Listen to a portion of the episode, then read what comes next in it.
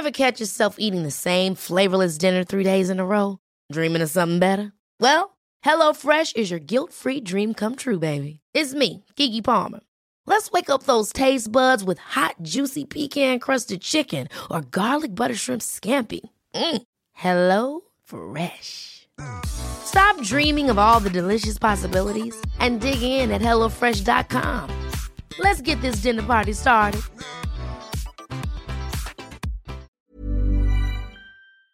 Kallar mig citizen scientist liksom. Eh, och det är väl det, lite det biohacking handlar om liksom. Eh, men jag har också lärt mig, jag har ju hållit på med keto, när jag började med keto, då var det ju, eller LCHF, då var det ju samma sak. Ja men herregud, äter man kolhydrater, då kom, äter man inte kolhydrater kommer man dö. eh, du vet, jag höll på med någon sån Pauluns eh, GI-metoden och liksom, ah, nej men man, inte äta kolhydrater, det var liksom ren galenskap. Mm. Sen testar man det, sen var det ju fasta, men vadå fasta? Eh, dricker man inte protein varannan timme, då tappar man musklerna. Ja, sen så visar det sig att det stämmer ju inte. Nej.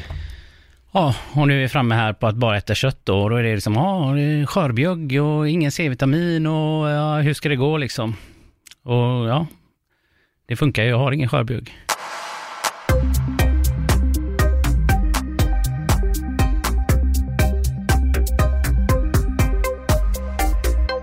Daniel Larsson, välkommen till eh, Paul Leveille Podcast. Tjenare.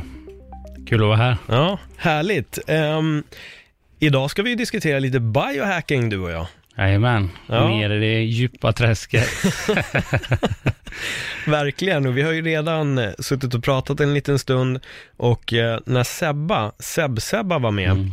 så eh, då drack vi ju lite Lions Mane för att kicka igång och den här gången har du bjudit mig på något annat, så du får säga vad det är jag har. Jajamän, det är exogena ketoner och det är alltså beta-hydroxybuteratlösning bundet till ett salt. Och mm. Normalt brukar man ju, ketoner är ju det som man tillverkar själv i levern när man eh, kör ketogen kost. Men eh, nu har det givetvis kommit en produkt som man kan fuska då och dricka sig själv i ketos snabbt.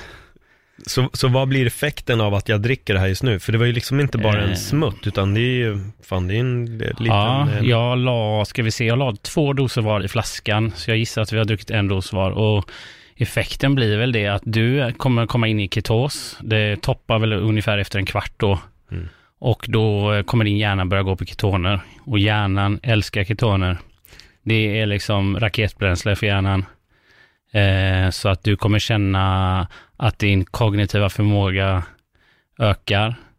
Du kommer känna dig pigg, du kommer få, det är riktig energi liksom. Det är inte som att äta en sockerbit, du, du upp och sen ner, utan det här är lite mer stabilare så. Just det. Så att, eh, Fan spännande. Ja, Jag ska dricka grejer. upp det här sista bara. Har du druckit allt redan? Nej, nej det har jag inte gjort. Jag ska göra det också. Alltså det är en speciell smak. Det är som att det smakar på något sätt sött. Det är som, det är som två udda smaker där i, men det är nog fettet tror jag det är som gör att det blir två udda smaker. Det är en väldigt söt smak och en typ ingenting-smak. Jajamän, jag har ju dels blandat det här med MCT-olja då. Mm. C8 kaprylsyra. För att det är den som, den hjälper till att höja ketonerna också. Den är liksom en, ja, det är en kort fettsyra som utsöndras snabbt mm. och är känd för att höja ketonerna. Sen så har de även pH-balanserat den, för att den skulle nog inte gå att dricka annars. Nej. Eh, och lagt till citronsmak, för att annars så skulle den vara så vidrig tror jag. Ja, det är det det är. Det söta är en liten citronvariant. Nu, nu får jag det. Ja. Det är ingenting jag skulle vilja dricka varje dag. Så, mm. Åh, vad gott med en kall, stor, stor kall. Vad sa du att det var? Hydro... Beta-hydroxybutyrat. Beta-hydroxybutyrat. Det ska sitta riktigt fint nu på sommaren. Jajamän. Ja men speciellt, ska bli, ska bli intressant att, mm. att se. Mm. Um, Lions Mane har vi här också. Det har mm. jag både käkat i kapselform, jag har mm. provat den här från Sebba. Mm. Väldigt intressant. Jag tycker det är intressant när alla de här svampextrakten mm. faktiskt som har börjat dyka upp som stimulerar den grå massan allmänt, det kognitiva. Ja. ja, ja, det är helt fantastiskt. Har du någon favorit bland dem? Det går i perioder. Mm. Lions Mane är ju grym liksom om man ska jobba. Eh, överhuvudtaget liksom. Och eh, som du säger, den kognitiva förmågan och liksom allt det där. Så att eh, jag cyklar dem. Lions Mane har ju nerve growth factor, den höjer BDNF, så att den stimulerar ju liksom produktionen av nya hjärnceller och eh, låter, eh, förlänger även livslängden på de gamla. Så att det, det är ju fantastiskt. Men sen så har du ju även chaga liksom, mm. som en annan svamp, som är liksom antikancerogen. Eh, ja, eh, grym för immunförsvaret. Reishi, grym när du ska gå och lägga dig och liksom också en immunsystemmodulator som man säger, innehåller de här betaglukanerna då, som är väldigt bra för immunförsvaret. Mm. Så att det är grymma grejer. Hur stor skillnad är det på det som är ett, eh, vad ska man säga, vätskeextrakt kontra det som är pulver? För jag har en hel del pulver. Mm. Eh, jag tar själv pulver nu. Då tar jag ungefär en tesked om dagen. Då tycker jag att jag får en riktig skjuts. Av vilken av dem då? Eh, Lions Mane. Lions Mane. Men problemet med kanske pulver och sånt är att det ofta odlas på sätt man inte riktigt vet. Eh, det odlas på, oftast på eh, grains. Mm. Och så är det ju ganska dyrt att producera de här svamparna, de är ganska sällsynta. Och ja, det är en svår process helt enkelt. Man låter inte dem bli svampar, utan man tar mycelet och sen så maler man ner grainsen, så att oftast är pulvret kanske pulveriserat ris med lite Lions Mane mycel. Det är väldigt okay. svårt att få tag i riktig svamp. Mm. Men när du gör en extraktion, då kan du liksom få upp eh, styrkan. Så att de kanske, vi kör en extraktion 1 till 4 liksom, då blir kanske en dosen, så, då blir den fyra gånger så stark. Sen så beror det på hur man har extraherat också. Just det. Och det finns många olika processer då. Och jag är ju väldigt hypad på den spagyriska processen då. Ja. Det är något som jag gillar. Det är någonting som vi kör på då, på Biohacking Collective. Vad är spagyrisk för de som inte vet? Det är en gammal uråldrig alkemisk process där man först gör en alkoholextraktion. Sen så tar man även plantan eller svampen och egentligen eldar upp det och så tar man ut salterna ur askan och så återför man det och spargiris betyder egentligen dra isär och återföra eller något sånt där då. Och när man återför allting då får man med, med hela spektrumet liksom av plantan och det ska öka bioavailabiliteten, ja, jag vet inte hur man säger, men du förstår, den ska liksom förbättra upptagsförmågan och jag tycker verkligen det är så alltså. Mm. Men eh, ja, den, den är lite sällsyntare, det är inte så många som gör det. Jag har haft tur att stöta på en duktig kille som håller på med detta då, så att det, det är jätteskoj. Mm. Ja, men fan spännande. Men det är en, vi lever i en spännande tid med alla de här grejerna och alla ny, eh, all ny forskning som börjar komma upp, alla tester och, och allting. Så jag tycker att vi hoppar direkt in på det som du har gjort eh, väldigt nyligen. Mm. Carnivore Diet. Eh, väldigt eh, omtalad, väldigt kontroversiell. Ja, verkligen. Och du har ju nu gjort eh, lite tester på dig själv. Mm. hur länge har du, har du gått på Carnivore Diet? Man kan väl säga att jag började, jag började i februari förra året. Eh, körde först två månader. Eh, sen tröttnade jag faktiskt lite, det var sommar, jag saknade grönsaker lite. Så jag gick tillbaka till vanlig keto då, det är ju det jag har kört liksom, kanske tio år, keto fasta liksom.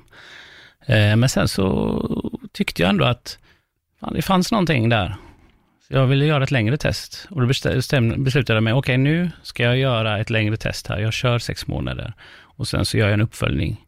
Och då har jag ju tagit mina värden innan och nu har jag börjat ta mina värden då. Jag springer inte och tar värden varannan månad utan kroppen är ju ett trögt system liksom. Jag vill vänta, jag vill se vad som händer. Eh, och nu har väl jag gjort de första testerna här.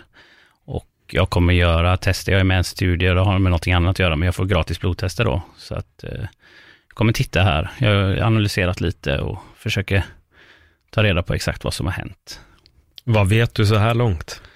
Det jag vet är att jag är väldigt frisk. Mm. Jag har väldigt låga inflammationsvärden. Liksom, eh, när man tittar på C-reaktivt protein då, som är en markör för inflammation, så är den under ett, så har man typ ingen inflammation. Då. Och det ligger under ett. Och det är väl egentligen det största argumentet som folk säger om kött. Det är ju liksom, man får inflammation. Du kan inte äta rött kött och det är farligt och sådär. Men eh, det fanns ju inga sådana tecken. Nej. Alla andra värden lig ligger inom referens. Sen kan man ju diskutera vad är referens liksom. Eh, när det gäller en carnivore person. Det är ingen som vet hur en, en person som äter kött, vilken, han kanske har andra referensvärden. Mm. Det man kunde se då var ett högt fasteblodsocker, det är ganska intressant, men ett väldigt lågt långtidsblodsocker. Så det blir väldigt så här, nästan ett prediabetiskt fasteblodsocker, fast världens lägsta långtidssocker. Det är så här ganska, eh, vad ska man säga, motsats till varandra då. Så det är lite mm. spännande, såklart. Mm. Men det är ju någonting som är ganska vanligt på keto också då. Det är någonting som kallas gryningsfenomenet då. Som gör, som gör när man vaknar där så får man en hormonkick av eh, tillväxthormon, testosteron och allting då. Och de trycker tillbaka insulinet och då tillåts eh, blodsockret vara lite högre. Så att, eh, jag ser inte det som ett problem. Sen kan man ju säga vad man vill om blodvärden, liksom. det är ju ganska momentant. Mm. Eh, det är svårt att veta egentligen vad, och vad som kommer hända över lång tid. Ja, just det. För det är lite det som har varit kontroversen i det också. Mm. Att den är så ny, det finns inga mm. studier, men, men mm. du är här och gör en egen studie på dig själv. Precis, jag sa det till dig precis innan där. Jag kallar mig citizen scientist liksom. Eh, och det är väl lite det biohacking handlar om liksom. Eh, men jag har också lärt mig, jag har ju hållit på med keto, när jag började med keto, då var det ju, eller LCHF, då var det ju samma sak. Ja men herregud, äter man kolhydrater, då kom, äter man inte kolhydrater kommer man dö. Eh, du vet, jag höll på med någon sån Pauluns eh, GI-metoden och liksom, ah, nej men man, inte äta kolhydrater, det var liksom ren galenskap. Mm. Sen testar man det, sen var det ju fasta, men vadå fasta? Eh, dricker man inte protein varannan timme, då tappar man musklerna. Ja, sen så visar det sig att det stämmer ju inte. Nej. Ja, och nu är vi framme här på att bara äta kött då, och då är det liksom, ja, skörbjugg och ingen C-vitamin och ja, hur ska det gå liksom? Och ja, det funkar ju, jag har ingen skörbjugg. Nej. Hur är det med C-vitaminhalten i kroppen då? Den är låg, ja. men man behöver inte det. Det är det som är det coola är att när du äter bara kött så sjunker C-vitaminbehovet och det egentligen beror på att glukosmolekylen och C-vitaminmolekylen är väldigt lika. Så att glukoset konkurrerar ut C-vitaminet. Så att när du slutar äta glukos eh, så kommer ditt behov gå ner. Och sen är du även i ketos och det är, egentligen är det liksom inte C-vitaminen i sig utan det har någonting med kollagenet att göra. Liksom skörbjugg är, jag vet inte exakt liksom, men Ja, det, det verkar inte som man behöver det då. Det finns ju en ganska intressant bok som handlar om eh, Eskimoer då. Det är någon, tror han är norsk eller någonting, han åker till och hälsar på Eskimoerna och de är på typ, för ganska länge sedan. Och där var det egentligen bara de vita som hade skörbjugg. Eh, Eskimoerna åt ju carnivore diet och de var ju jättefriska. Nu är de ju inte friska för att nu är det ju så mycket tungmetaller och mm allt som sitter i valfettet och sådär grejer. Så att nu kanske det inte är bra, men då var det ju liksom, han blev ju nästan förvånad hur friska de var. Och de, det var ju verkligen en köttkost liksom. Så att det finns ju folk som har ätit den här typen av kost ganska länge. Jag tror även att vi gjorde det i Sverige på vintern under stenåldern, så jag kan inte tänka mig att det fanns så mycket grönsaker. Nej, jag försöker tänka när, när kom den första, vad heter det, jordkällaren? Ja, precis. Det är det som är den stora frågan. precis, när, när dök den precis. upp och ja, när började de liksom samla på, på grönsaker och behålla dem? Men nej, jag vet inte, jag, jag, jag tror lite, men, men hur, ser en, eh, hur ser en dag ut för en eh, carnivore diet? Ja, det ser väldigt olika ut då, men jag försöker ju fasta mycket för att jag är ändå lite orolig. Och det kan vi gå in på sen då, för mm. vissa saker. Så att jag, jag fastar, jag eh, tränar ofta fastad. Sen så kanske jag tar en fettkaffe då. Eh, och sen äter jag väl lunch. Och sen äter jag middag då. Och då kanske jag ligger ungefär, mm, jag skulle gissa, eh, om vi pratar om makros då, så ligger jag väl kanske 80% fett. Så jag ligger ju högt. högt. Eh, så jag är ju ändå ketogen, fast jag är lågketogen. Vad är det för fetter? det blir ju animaliska fetter uteslutande då, lite MCT, för att det ska man ju egentligen inte äta på en carnivore diet, men lite undantag kan man ju göra och anpassa lite efter sig själv då. Mm. Eh, men det är ju uteslutande då, det blir mycket, mycket smör, mycket G. Eh, jag steker ofta i ister eller sån här, eh, ja precis. Mm. Det är bra liksom, steka. Sen blir det ju såklart, jag försöker ju köra feta köttbitar. Nu är det svårt, nu äter jag mycket vilt, det är ju ganska magert. Så att, eh, ja, kanske ligger där 750 gram, ett kilo kött kanske. Det beror lite på. Ibland mindre. Man blir inte så hungrig, men jag försöker inte ligga för mycket på kaloriunderskott liksom. Nej. Inte för att jag tror så mycket på kalorier, men, men ändå liksom. Jag vill inte gå ner i vikt och det har jag inte gjort. Och det är väl den största fördelen jag känner då att jag blev väldigt smal på keto. Eh, svårt att bygga muskler. Och jag var nere under 70 kilo. Och nu väger jag 80 kilo. Och jag är stark i gymmet igen. Och det är ganska lätt för mig så att, att träna och så. Vad är den största förändringen mellan din ketokost och, okej okay, det säger ju allt egentligen vad, mm. vad din carnivore-kost ser ut, så hur mm. såg din ketokost ut? Det var väl eh, väldigt mycket grönsaker, eh, såklart. Bara ekologiska grönsaker, egentligen en paleo-palett liksom. Så inget, inget skräp, bara ekologiska grönsaker. Jag hade, var är ganska strikt, jag uteslöt mycket, inga i stort sett inga mjölkprodukter då, smör egentligen, som jag accepterar. Eh, inga lektiner. Eh, så att en, en ganska antiinflammatorisk ketokost med paleoinslag, kanske blir rätt avancerat där, men mm. vi kan gå in på det lite mer sen. Eh, Ja, så att eh, det var ju massa grönsaker som gick bort där och det är klart, det, de saknar man lite grann så. Och det talar ju emot allt jag har lärt mig. Det gör ju verkligen det. Man går verkligen och, du vet, superfoods, superfoods. Mm. Och nu bara kött liksom. Vad, vad var dina känslor de första, första veckan? Känner du någon ja, skillnad? Ja, verkligen. Det var, I början är det inte bra alls, tyckte jag inte. Nej.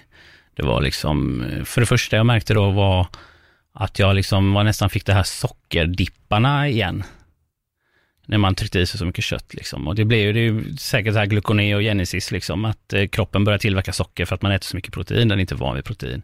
Och så, men ändå mår rätt bra, energifylld, men sen så börjar ju magen rasa liksom. Mm, ja, ja, precis. Och då är det ju liksom lite så att du svälter ju egentligen ut alla bakterier som är vana vid att äta stärkelse, de får ju ingen mat.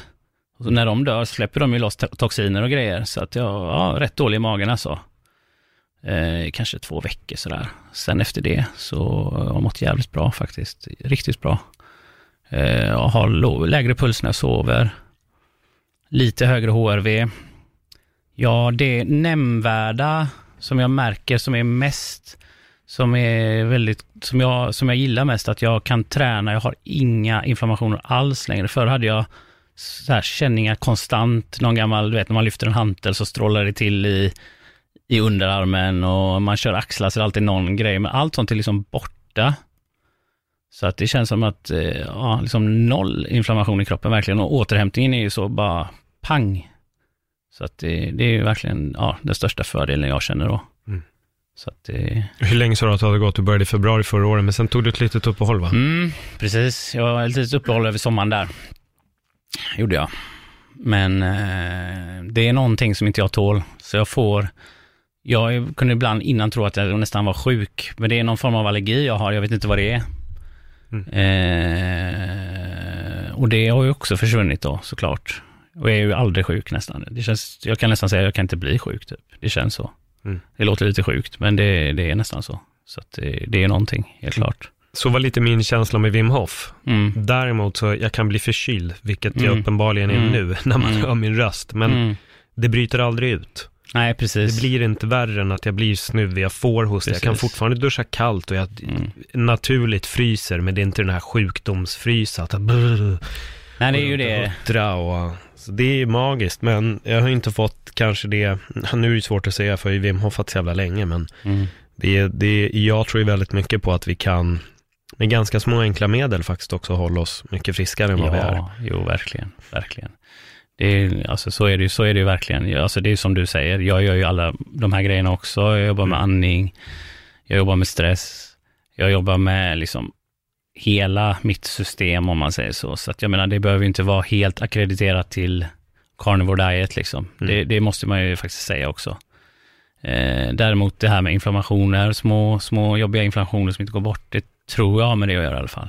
Mm. Och det är oftast det man hör på folk som pratar då, att det är ju, oftast är det ju folk som har testat allt och ingenting fungerar och de har autoimmuna sjukdomar och carnivore diet blir någon extrem form av eh, uteslutningsdiet egentligen. Mm, det är liksom ett verktyg, jag ser inte det som någonting kanske man ska göra hela livet sådär, men det kan vara ett verktyg, man resettar tarmen, man vilar tarmen, fibrer är kanske inte alla gånger så bra som vi tror. Växter innehåller många typer av gifter som skadar tarmen. Typ gluten, eh, ja, det finns många grejer liksom som, som man måste tänka på och det kan ju vara ett sätt att vila sig lite och göra en, någon form av reset. Mm. Sådär. Vad skulle du säga är det största problemet med gluten? Har du någon sån? Nej, men det är, det är ju typ, alltså det är ju en lektin, det är ju ett, växtprotein liksom som är svårt att bryta ner som kan skada tarmen då. Det gäller ju även för folk som inte är känsliga mot, eller inte har den glutenintoleransen då. Det finns ju något som, är, något som heter non-gluten celiac. Ja. ja. Så att eh, det kan orsaka problem såklart, orsaka inflammation och inflammation det vet ju liksom, det är ju oftast, många säger ju att det är roten till allt liksom, alla sjukdomar. Att vi går runt med små kroniska inflammationer hela tiden som gör att immunförsvaret är under konstant attack liksom. Så att... Eh, Vad skulle du säga är de bästa antiinflammatoriska sakerna man kan ta med väldigt enkelt medel utan att nu kanske förändra sin kost liksom radikalt? Har du några sådana här, det här är bra antiinflammatoriska? Mm. Ja, ja, jag skulle ju först, ja nu i och för sig det är en radikal förändring då, det är ju ketogenkost. Mm. Det, det skulle jag för, förorda egentligen då. Men det är ju kanske inte en sån snabb grej. Annars är det, jag gillar gurkmeja. Mm. Det är grymt liksom. Eh, bra omega-3, men det ska vara en bra Omega-3 då, det är ju väldigt svårt liksom. Omega-3 som inte är bra är ju nästan värre än att inte ta det liksom. Ja, det är det där som är grejen med ja. just Omega-3. Mm, det är, det är um, vad, vad fan, var hittar man bra Omega-3? Alltså finns det något sätt man kan ta reda på om den Omega-3 man äter är bra eller inte? För... Jag hade aldrig tagit kapslar. Mm. För då kan du, du vet ju inte, du, du måste ju kunna smaka, du känner ju om det är härsket. Sen hade jag tittat efter en labbtestad det finns märken i Sverige som, som testar på labb då. Och det är som du säger, det är så väldigt reaktivt liksom. Det oxiderar så lätt och att dricka oxiderad omega-3 liksom som är härsken, det, då är det ju liksom, eh, ja, det är inte bra. Det, mm. det, är mycket värre liksom än vad, än att dricka, ja, precis. Vad är det som gör att det inte är bra? Nej, men det är just att det är så fruktansvärt reaktivt, så att det reagerar med andra ämnen liksom. Det oxiderar så lätt, så att det skapar massa Ja, det binder till massa, ja, det, jag orkar inte gå in på det. Men, Nej, men lite enkelt förklarat utan ja, att bli för... Precis, nej men det är väldigt reaktivt liksom. Det är ett omättat eh, fett mm. som har dubbelbindningar och det kan eh, liksom, eh, som kan brytas och den kan ta med sig grejer. Det kan reagera liksom. Okay det är ett instabilt fett, eh, kan man säga. Ett mättat fett är ju väldigt stabilt, liksom. det är hårt, solidt vid rumstemperatur. Liksom ser det som en isbit, en kristallin struktur och sen så smälter det och sen blir det ånga liksom. Eh, så att det tål ju inte så höga temperaturer exempelvis. Eh, det är ju som med alla oljor, det är, de är ju väldigt känsliga för höga temperaturer liksom. Då blir de ju lätt förstörda, det kan bildas transfetter och sånt och då vet vi att det, de är ju inte bra liksom. Och där har friterad mat, som folk säger, ett litet problem. När man Verkligen fritera. ett stort problem. Favoritoljor, när vi ändå är inne på lite fett och sånt? Mm, ja, MCT använder jag ju. Sen är jag ju inte så här, ja det är olivolja liksom. MCT och olivolja, det, och, ja, i matlagning så skulle jag väl inte ens använda olja just på grund av att de är lite känsliga liksom. De är ömtåliga. Mm. Eh, såklart. Men eh, olivolja är fint. Det gillar jag, det saknar jag lite. Det ja, du får inte äta olivolja? I... Det är klart jag får, det kan jag göra. Eh, det kan jag göra. Det, jag bestämmer ju själv liksom. Men mm. jag försöker hålla mig till paletten så mycket som möjligt. Och så kan, klart kan man bryta ifrån och sådär, som jag gjort med MCT, är ett undantag då för att jag gillar det. Liksom. Och för att jag vet att det är bra för ketonerna då. Liksom. Jag försöker ju vara i ketos. Det är lite svårare eh, när man kör carnivore. Man har lite lägre värden, men jag ja, försöker ändå. För jag vet att det, det är bra liksom. Mm. Många kör ju just det här med ketogendiet. Ja. Så enkelt förklarat, vad är en ketogendiet? En ketogen diet är väl, man kan väl säga att det är väl en LCHF fast man eh, kanske går lite djupare, mer fokus på att producera ketoner. Och ja, man behöver inte mäta dem då, men man, man försöker hålla liksom så att man, hel, att man har lite, lite högre värden av ketoner. Jag i början när jag började med LCHF så visste jag ju inte, ibland var jag ju säkert i ketos ibland inte. Men oftast så gör, sticker man ju sig i fingret och kollar, man håller koll på sitt blodsocker och man kollar att man är ketos då. Mm. Vad är det som händer i kroppen när vi går in, liksom, vad, vad gör en ketos? Varför är ketos positivt för oss? Uh, ketos är, ket, ketoner är ju, dels innehåller du mer energi liksom, så att du går ju på ett bättre bränsle liksom. Hjärnan älskar, älskar ketoner, du mår mycket bättre, det är mycket stabilare liksom. Du får inte de här blodsockerfluktuationerna. Du vet, krascharna klockan fyra på väg hem efter jobbet och ett aggressionsutbrott liksom. Det händer ju inte. Eh, utan du är helt stabil, du får en eh, stabil hög energikälla och sen så är det så här att, om man ska säga, mitokondrierna är ju där all vår energi skapas liksom. Och vår energivaluta i kroppen heter ATP. Och då är det ju så att ketoner, det innebär mer ATP. Men det är också så här att glukos är egentligen ett smutsligt bränsle. Det produceras mer fria radikaler när du äter socker än när du går på ketoner. Det är mycket ett renare bränsle, det blir inga biprodukter. Och de här biprodukterna, de bidrar mycket till vårt åldrande. Så att, eh, nu har jag inga siffror på det, men alltså mm. jag skulle säga att det är 20-40% mindre fria radikaler som bildas. Och det gör ju att cell, ja, mitokondrierna överlever bättre, cellerna överlever bättre. Plus att när man är i ketos så kan man också stimulera andra grejer då, som exempelvis bildandet av mer mitokondrier. Och det är ju våra kraftverk i cellerna. Och mer mitokondrier innebär ju mer energi till att göra allt i kroppen. Laga, fixa, eh, bygga muskler, eh, leva livet bara liksom. Tänk dig själv som att du har 20-30% mer energi. Mm. Det är helt fantastiskt. Jo, jag kan känna själv, jag har ju gått på lite både fasta och någon, ja, det, ibland är det nog någon form av ketogenkost. Mm, det är mm. mycket fett, det är mycket kött, fisk, mm. fågel mm. och sallad också, absolut. Grymt. Men det jag märker är just det där med att jag står med på ett helt annat sätt. Mm. Som idag, jag åt lunch vid klockan 12. Mm. Klockan är just nu halv sex. Um, lite hungrig, absolut. Men liksom, jag kommer lätt kunna spela in den här podden, jag kommer kunna åka hem i lugn och ro och äta när jag kommer hem. Amen. Det kommer inte vara jobbigt och jag kommer inte känna att, ah nu, fan, jag måste ha en godis och att du säger, hej yo, Paul, ta en Snickers mm. eller någonting sånt där, utan man har en, jag vet inte, jag står mig mycket, mycket bättre. Jag märkte också när jag reste under flera timmar så det var jävligt mycket enklare att stå ut. Mm. Om maten inte var svingod så var det så, okej, okay, alltså jag jag pallar liksom, jag, jag, kan gå mina timmar utan mat, jag kommer inte baxna. Men däremot om jag skulle börja käka nudlar till frukost, då är jag fan hungrig efter en halvtimme. kaos. Ja, ja, då är jag ja, hungrig så är direkt. Det. Så är det. Ja, men det är ju egentligen kroppens, eh, eller liksom naturens sätt. Det är ju så vi har överlevt svält liksom. Mm. Vi, vi, vi är en hybridbil liksom. Vi kan gå på, på glukos som vi har valt att göra i det moderna samhället, men vi har en motor till. Det känns ju för mig som nästan ren idioti att inte använda den. Jag säger inte att man måste använda den jämt. Men eh, det är ett fruktansvärt bra system liksom. Eh, som jag tycker i alla fall att man bör testa. Jag kallar det lite så här metabol flexibilitet. Mm. Man kan äta kolhydrater ibland, men alltså det, är, det är väldigt bra att använda det här systemet, motionera det här systemet. Barn till exempelvis, de kommer ju... Have catch yourself eating the same flavorless dinner three days in a row? Dreaming of something better? Well, HelloFresh is your guilt-free dream come true, baby. It's me, Gigi Palmer. Let's wake up those taste buds with hot, juicy pecan-crusted chicken or garlic butter shrimp scampi. Mm. Hello Fresh. Stop dreaming of all the delicious possibilities and dig in at HelloFresh.com. Let's get this dinner party started.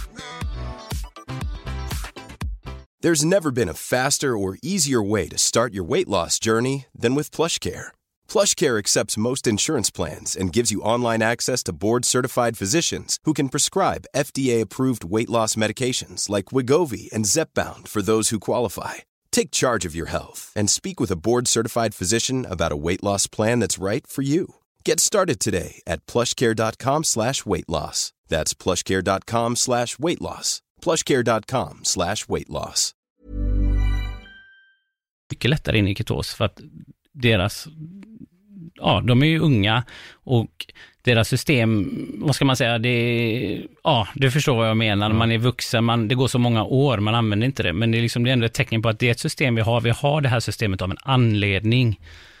Och det är någonting som är jävligt bra liksom. Mm. Det finns ju folk som har, alltså du kan överleva mat, jag tror världsrekordet fasta i så här ett år eller någonting. Och jag menar, hade inte ketoner funnits så hade, så hade vi dött, vi hade inte stått här idag. Ett år alltså? Ja. Om du har mycket fett liksom. Keton, det är ju det, ketogenkosten ser ju ingen skillnad på fett genom munnen eller fett på magen. Ah, okay, men du menar att man äter fett bara då eller? Nej, nej, han fastade i ett år under kontrollerade former. Han åt vitamintabletter tror jag. Jävlar alltså. Men han var ju tjock. Ja, okej, okay, okej, okay. så det var det han kunde äta. Man får ju ha, ja, det, kroppen äter ju fettet istället. Just det. Och det är ju därför vi har ett fettlager. Det är mm. därför folk, för att vi ska använda det vid dåliga tider. Just det är då vi lagrar upp det liksom. Så det, det, finns ju inget mer naturligt egentligen. Nej. Eh, sen är det ju frågan om man ska vara i ketos hela tiden. Det, det, tror jag inte att de var, liksom, om vi tittar på en stenåldersmänniska eller någonting. Det, det, tror jag inte att de var. Men jag, jag tror ändå att det är ett bra system att liksom, motionera ibland. Liksom. Som jag pratar om, den här hybridmotorn. Liksom. Att kunna vara lite flexibel, gå in, gå ut. Det är lite som med fasta liksom. Mm. Det är också fantastiskt bra och det är också ett sätt att komma in i ketos. Man måste ju inte vara ketogen, man kan ju fasta några dagar, då är man ju där liksom. Exakt, för det är också något, min, min kombination har ju varit just fasta, allt mellan mm. 13, 16, ibland mm. ännu fler mm. timmar, mm. men där brukar väl standard vara i alla fall. Amen. Um, men det är så kul också när man nämner det, precis som du också sa, då, då tror ju folk att man ska svälta ihjäl. Mm. Um, vilket jag tycker är skitroligt. Jag mm. nämnde det i min livechatt som jag brukar mm. ha på, på Facebook där inför mm. MMA-galorna. Flera stycken, men vadå, äter du inte? Men då, då, då kommer du ju svälta. Mm. Men nej men alltså dagen efter äter jag, ja men alltså jag har hört att det inte är något bra och var tredje timme eller mm. alla möjliga konstiga. Det var coolt när jag började med det här, jag sa att fan, jag behöver inte käka så mycket för istället nu kan jag lägga pengar som jag la på fler målmat kan jag mm. nu istället lägga på väldigt bra målmat de gångerna jag äter. Så får jag mycket fräschare mat. Alltså äter jag kött så är det bra, dyrare kött grönsakerna är bättre grönsaker, jag får i mig bra fetter och så istället för att käka många mål mat och ha sämre mat så är det bättre att ha färre mål mat, men jävligt mycket bättre mat. Helt klart, helt klart. Plus att du kommer leva längre. Fasta ja. är liksom sjukt nyttigt liksom. Och eh, vi måste glida in lite på autofagi, mm. för det här var någonting Jajamän. som jag tyckte var väldigt coolt. Han vann väl Nobelpriset 2016 tror jag? Ja, precis, precis. Och det betyder ju egentligen självätande. Ja.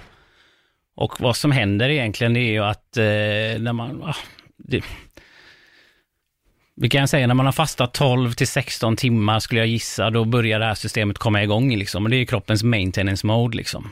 Mm. Den börjar göra rent i celler och börjar liksom klina ut eh, dåliga cellmembran, gamla organeller, alltså de organen inne i cellen då liksom och byta ut och eh, förnya sig själv, hela sig själv.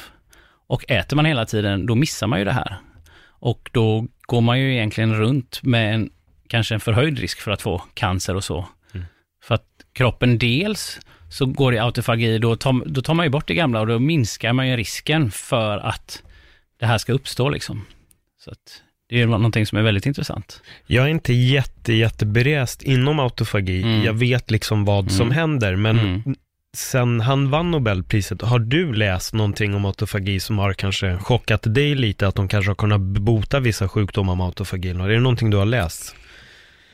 Nej, det är ingenting jag har läst så, men det finns ju mycket studier liksom som visar att kroppen förnyar sig själv liksom. Att mm. det är väldigt bra. Man kan ju titta på exempelvis, eh, de har ju ett annat Nobelpris, det här med telomerer. Nej, det känner jag inte till. Telomerer är väl egentligen eh, någon slags eh, indikator på din riktiga biologiska ålder. Och eh, det sitter längst ute på kromosomen och för varje gång en cell delas så blir de här liksom, telomererna kortare och kortare och kortare då. Men då finns det ett enzym som heter telomeras som gör att de här telomererna kan bli längre igen liksom. Och att fasta och sådana här grejer då, det, det blir ju liksom att du regenererar kroppen du kan hålla dig ung, du kan förlänga livet. Man har gjort detta på djur, och sånt. I huvudtaget, kalorirestriktion har ju visat sig vara ett sätt att förlänga livet. Eh, och, ja, precis. Så att det, det, är väldigt intressant faktiskt. Hur lång tid tar det för en person som äter de här var tredje timme, var tredje timme dieterna eller vad man nu ska kalla det. Mm. Hur lång tid skulle det ta för en sån person att gå in i till exempel autofagi?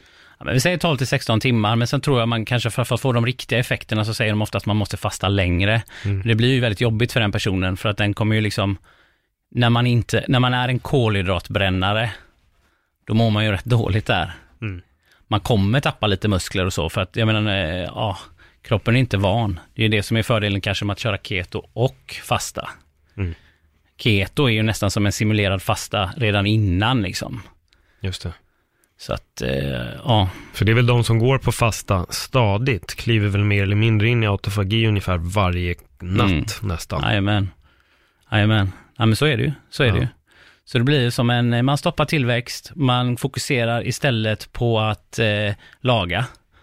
Så då finns det ju något annat som heter mTOR och då kan vi komma tillbaka till carnivore diet, varför jag ändå är, man kan vara lite orolig då. Och då är det ju just det här med protein och någonting som heter mTOR som är mammalian target of rapamycin då. Och det är egentligen det som vi förenklar lite, säger styr muskeltillväxt och allting. Och det är ju jättebra och det är mycket energi och det är bra då, men för mycket är ju cancer då kan man ju säga. Mm. Och så kan man ju säga att det inversa förhållandet då är autofagi. Och det man kommer fram till då är ju bra att man försöker cykla de här. Man fastar, då är mTOR låg, man har autofagi. Sen bryter man fastan, då äter man, då går mTOR upp. Men äter man var tredje timme, då ligger man och kör mTOR hela tiden och då har man ju verkligen ökat sina risker för att eh, liksom, ja, du vet, det är celldelning liksom. Mm. Och eh, dela cellerna hela tiden så är det, har vi också det här med telomererna då, det blir ju kortare liksom. Mm. Så då, då blir, man kan inte säga att livet blir kortare, men det finns ju en risk för att livet blir kortare. För jag tycker det är en sak som var ganska bra när jag hörde det där just med fasta, det var det här också med att ibland måste tarmarna få vila också. Mm, mm. Och jag tror att det är en sån sak man aldrig riktigt tänker på. Mm.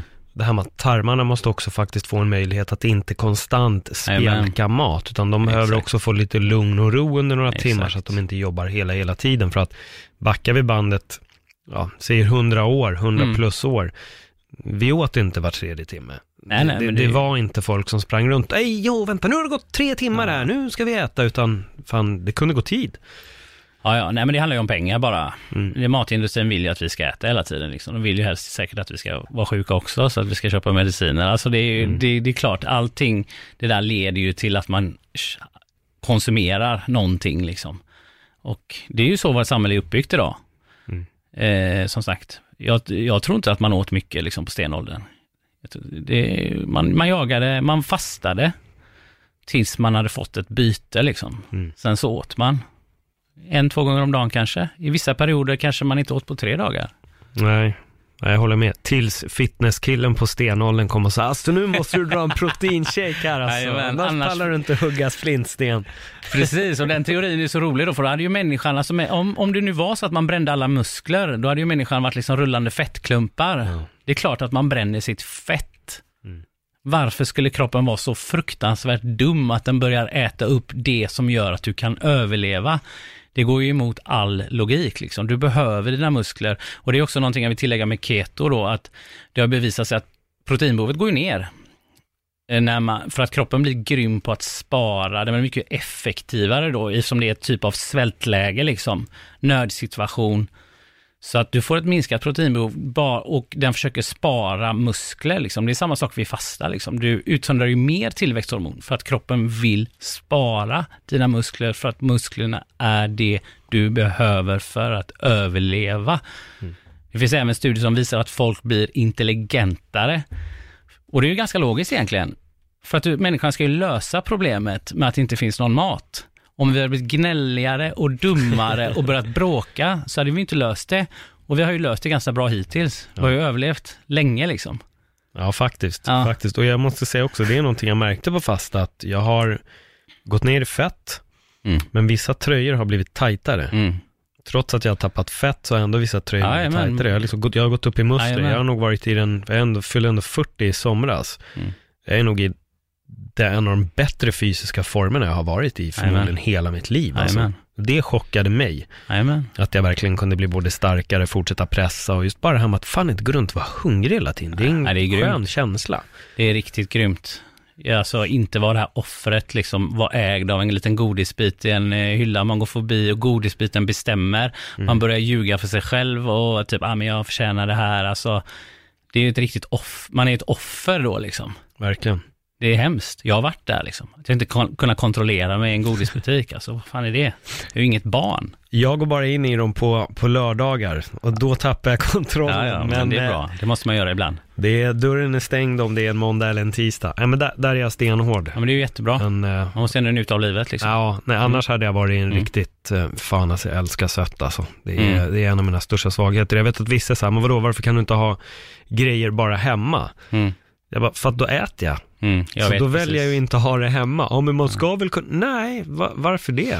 Jag, mm. Om jag inte vill äta det på vardagar, men jag behöver inte köpa bara för att eventuellt om någon kommer så måste jag ha lite bullar. Mm. Fan, jag köper när jag äter och that's it. Men det är bra, då har du disciplin. Ja. För mig skulle det nog vara svårt tror jag. Mm. Jag har varit riktig sockerråtta liksom. Ja, det är så. Ja, tyvärr. Var det kosten som förändrade dig när du började gå över på fasta och?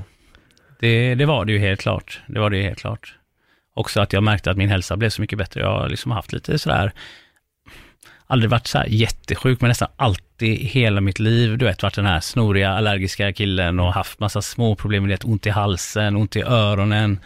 Eh, perioder, du vet, varit riktigt seriöst tränat och sen det här går upp, väger mycket och du vet, bara, du vet, pff, inte jättebra. Men jag menar nu, jag, jag, ja, shit, vilken skillnad det blir alltså. Det är helt fantastiskt vad man kan göra. Verkligen. Och det är ju någonting som vi faktiskt, eh, vi måste få ut till folk tror jag, att eh, man kan faktiskt ta kontroll, man kan fixa det själv, man behöver inte vänta tills man blir sjuk liksom. Nej. Det är ju... Klassiken, men det är då vi först vaknar. Ja, det är det jo. som är helt, och du, du, du nämnde bilar och när jag jobbade som PT också så hade jag den, det exemplet att hur rent gör du din bil? Hur ofta tar du mm. hand om din mm. bil. Alltså det är inte som att vi, vissa gör kanske det, men man spottar inte, man kastar inte dricker, man, man, man skitar inte ner sin bil. Börjar du få problem på hjulen, och går in och lagar dem. Men får du mm. problem ett ben så anpassar vi oss många gånger. Ja, men jag går snett, men det är lugnt liksom. Man, man fortsätter bara anpassa sig. Amen. Men jag tycker att vi har bättre vi sköter egentligen våra lägenheter bättre många gånger än vad vi har tagit hand om vår kropp. Och det är synd, det borde vara ja. tvärtom. Ja, Hellre lite dammråttor men en bra, bra fungerande kropp än inga dammråttor och eh, armar och axlar och ben som inte funkar liksom. Ja men så är det verkligen. Och sen så går man ju alltid när det är för sent liksom, till sjukvården. Mm. Folk tänker ju inte att det hänger ihop. Vad jag äter, hur jag lever, vad jag gör, det är det som gör mig sjuk. När man går till sjukvården då är det ju oftast redan kanske för sent. Då får man någonting som lindrar symptomen, men man vill ju egentligen bota orsaken liksom. Man vill Exakt. ta det tidigt mot Olle Grind liksom. Så att... Eh... Jag tänkte fråga dig, för det är mycket biohack, nu blev det jättemycket mat och det är mm. svinintressant. Mm. Jag känner att jag kan sitta och snacka mat eh, mm. ganska mycket och länge. Mm. Men eh, när det kommer till lite biohacking tech, um, så någonting som har börjat dyka upp lite mer och mer är just red light therapy. Uh, jag vet att du kör det. Jajamän, jag kör det mycket också. Ja. Så uh, Skola oss, lär oss. Vad, vad är det och vad händer när, du, när man utsätter sig för det? Alltså, red light therapy då, det är ju alltså rött ljus. Eh, och det finns ju studier då som har visat att eh, det röda ljuset kan eh, hjälpa till med energiproduktionen. Eh, och det har egentligen med ett enzym i elektrontransportkedjan som heter cytokrom C-oxidas då, Eh, och det höjs. Eh, och egentligen, alltså rött ljus, det är ganska naturligt. Vi går upp på morgonen, det kommer rött ljus från solen liksom. Vi lägger oss på kvällen, du vet, jag tänker nu utgår vi igen från grott, grottmänniskan liksom. Det är en eld, rött ljus. Och det har visat sig att det är väldigt helande då. Och sen har du ju vanligt rött ljus då, eh, runt 6, 600 nanometer någonting. Och sen har du infrarött ljus då. Och egentligen då, man kan säga det är ju liksom, när du, det röda ljuset, det går ju rätt ytligt då. Så att det kan ju stimulera kollagenproduktionen liksom. Det, det hjälper till att eh, så att, eh, med energiproduktionen så att du kan producera hudceller. Och det andra går ju lite djupare då och kan hjälpa till liksom kanske med inflammationer och sånt då. Eh, och eh, vi på Biohacking Collective håller på att jobba nu med att ta fram lite sådana paneler till lite bättre priser här. Eh, det är något som är väldigt populärt, men det är oftast väldigt dyrt. Liksom. Mm. Det är lite så med biohacking överhuvudtaget. Liksom. Det är lite till för folk med väldigt mycket pengar. Liksom. lite så. Och vi måste eh, på något sätt göra detta till eh, någon, ja insteget måste vara billigare liksom. Det ska vara lite lättare att komma igång liksom. Det ska vara, ja du vet, det, det är viktigt, folk behöver detta. Mm. Så. Och nej, det, det, funkar helt klart. Det tycker jag. Man har kört det här på hästar ganska länge. Mm, typ, finns en som heter Biolite, travhästar och så. Eh, och eh, med goda resultat just att sänka inflammation då. Eh, och även eh, liksom, eh, ja, det är där man använder det då. Så att eh, det är någonting som jag tror på stenhårt och det kommer mm. bli riktigt stort. Det är redan stort liksom. Det, det är superstort. Man har börjat höra lite ja. mer och mer om det. Dels C.D. Dillashaw pratade om det när han mm. var på Joe Rogan, att han mm. körde rödljus. Ben mm. Greenfield var där i mm. veckan, pratade om det också. Mm. Sebba pratade om det. Mm. Det var till och med rödljus på pungkulorna. Ja, precis. Nej, men det testosteronet. Finns, ja, precis. I cellerna i, i pungkulorna där, eh, det har visat sig då att de börjar producera mer testosteron. Och det fanns någon studie där de lyckades liksom trippla testosteronvärdena då. Åh oh, jävlar. I pungkulorna? Ja, alltså. men det blir väl kanske bara en kort burst liksom. Men sen får man ju vara lite försiktig och vilken nanometer man eh, lyser med där nere då, för att det är också så att det är ju värme och pungkulorna är känsliga för värme då, så att det är ju mm. viktigt att det blir rätt och att man liksom inte kanske kör på för hårt då. Men visst, det är riktigt bra. Hur länge ska man Nu, nu om vi ja, håller oss till jag lite kör 10-20 minuter om dagen då, kör jag på morgonen liksom, men som en del av morgonrutinen. Jag har en vibrationsplatta jag står på då, så lite som Sebba sa, han står och gungar, mm. eller hoppar. Jag står på en vibrationsplatta så brukar jag köra den samtidigt då på hela kroppen. Och jag känner ju helt klart en liten energiburst liksom. Mm. Det gör jag ju. Eh, och jag har kört ganska länge nu, jag tror jag har haft den i nästan två år. Och eh, jag använder den fortfarande liksom, så att, och det finns en anledning till det. Producera, alltså just med röd, jag vet inte, har det någonting att göra med, får man färg av den? Nej, Nej ingenting, får, ingenting sånt. sånt. Jag vill också tillägga att rött ljus är ju, alltså vi har ju, vi lever ju i en miljö där det är mycket artificiellt ljus, liksom, mycket mm. blått ljus och sånt som är väldigt skadligt, eller ja, blått ljus är ju bra på dagen, du blir pigg. Eh, men blått ljus på kvällen är ju dåligt och för mycket artificiellt ljus överhuvudtaget är ganska dåligt för den mänskliga hälsan har det visat sig i många studier. Men då är det ju så att rött ljus kan ju motverka effekterna lite av blått ljus, så att det kan ju också vara en anledning då att köra. Och det blir ju lite som att man simulerar, det är ju inte så mycket sol här på Nej. Och jag känner det, på vintern är det nästan som bäst. Liksom. På vintermorgonen, stå där och bara suga i sig ljus. Liksom. Vi behöver ljuset, du vet. Jo, för det vet jag att Sebba gör. Han går väl ut mm. och mm. lägger sig. Men, mm. men då är frågan, då kanske man inte behöver rödljus på sommaren? Inte lika mycket. Du får ju det, framför allt på morgon och kväll. Så det, det gäller ju att komma ut överhuvudtaget och försöka få så mycket solljus som möjligt. Och det är man ju generellt ganska dålig på liksom, mm. tyvärr. Och sen så sitter vi ju framför de där jävla skärmarna hela tiden. Ja. Och eh, det är ju inte bra heller liksom.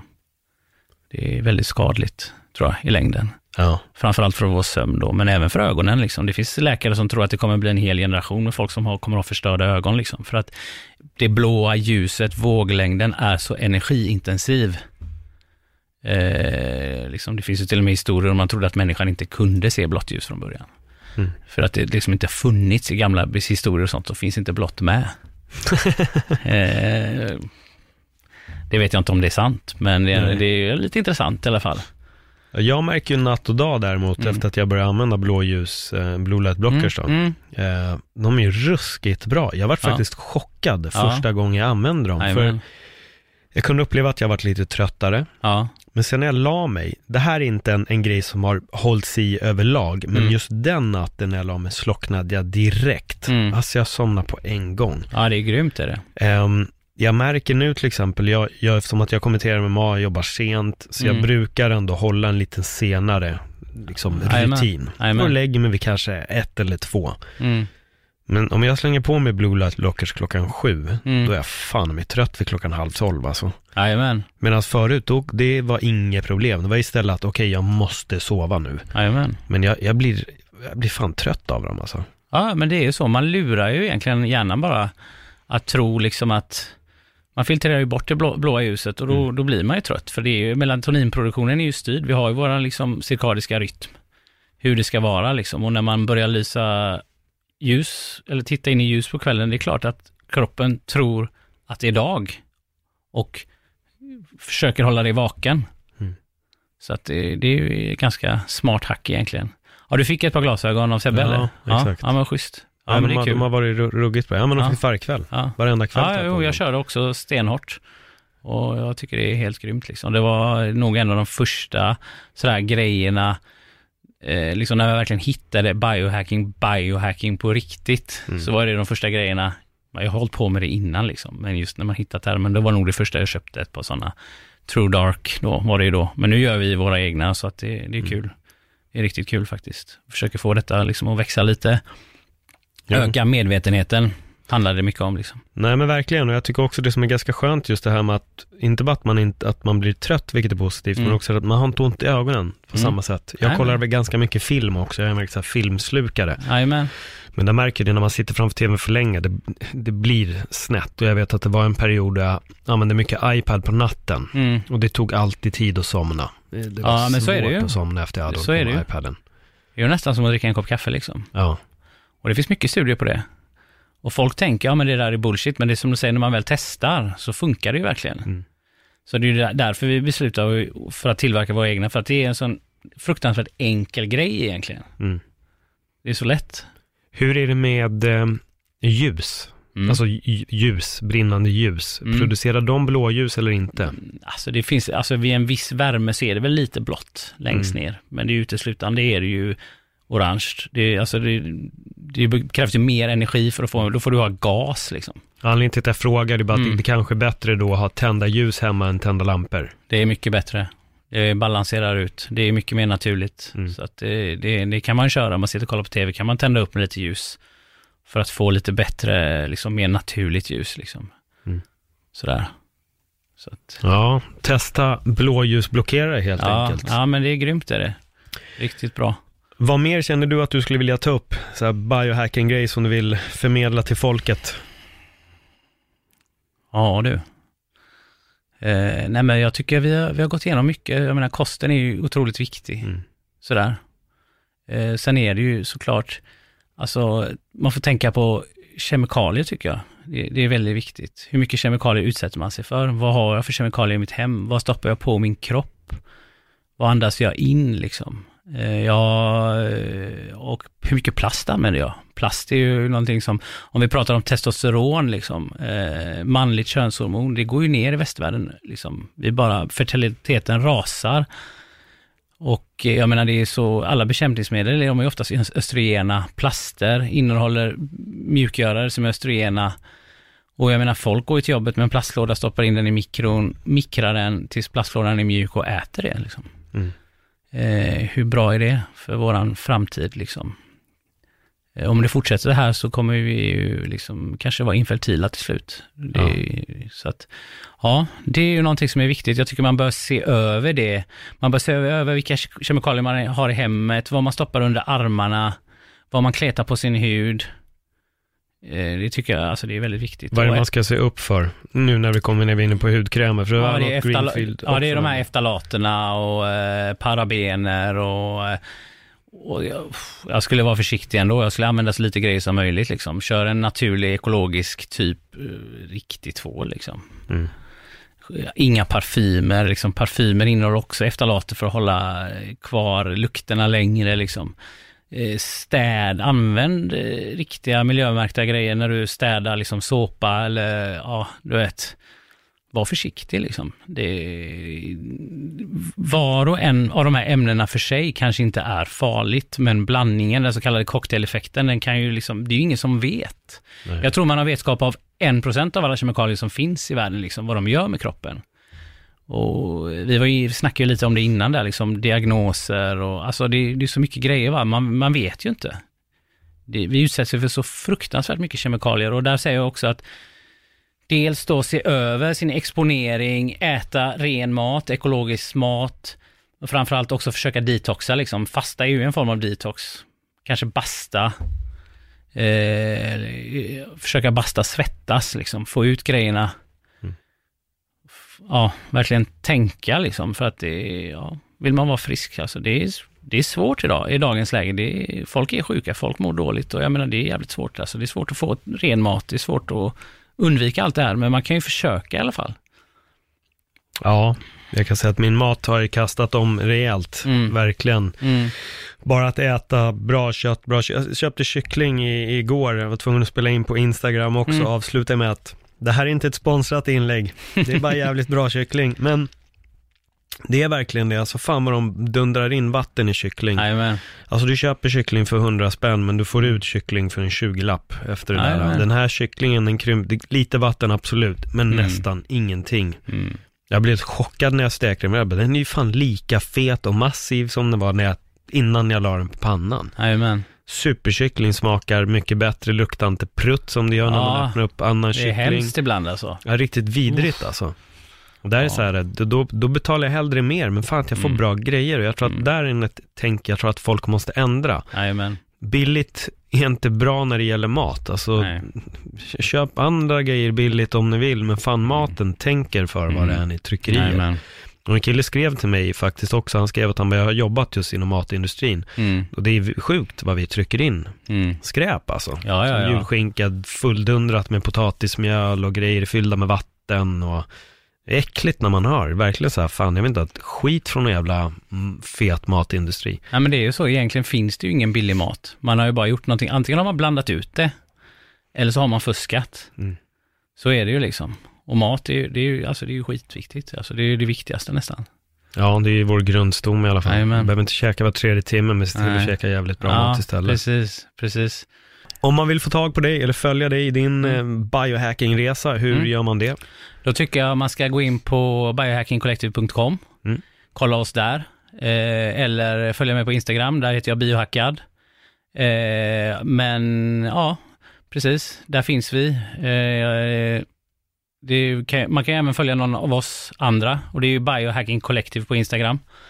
Och eh, kom gärna med frågor och sådär. Vi vill gärna bygga ett community och skapa liksom medvetenhet och försöka få ut det här till folket att det finns saker man kan göra. Man mm. behöver inte gå runt och må dåligt liksom.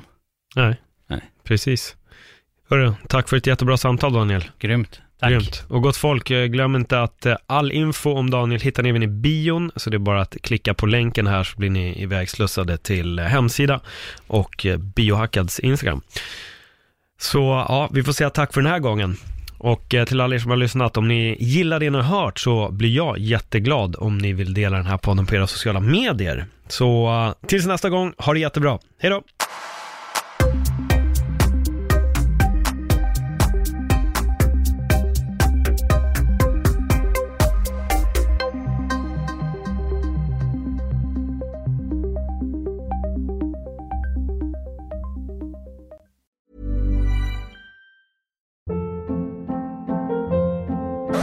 Hold up. What was that? Boring. No flavor. That was as bad as those leftovers you ate all week. Kiki Palmer here, and it's time to say hello to something fresh and guilt-free. Hello Fresh. Jazz up dinner with pecan-crusted chicken or garlic butter shrimp scampi. Now that's music to my mouth. Hello Fresh. Let's get this dinner party started. Discover all the delicious possibilities at hellofresh.com.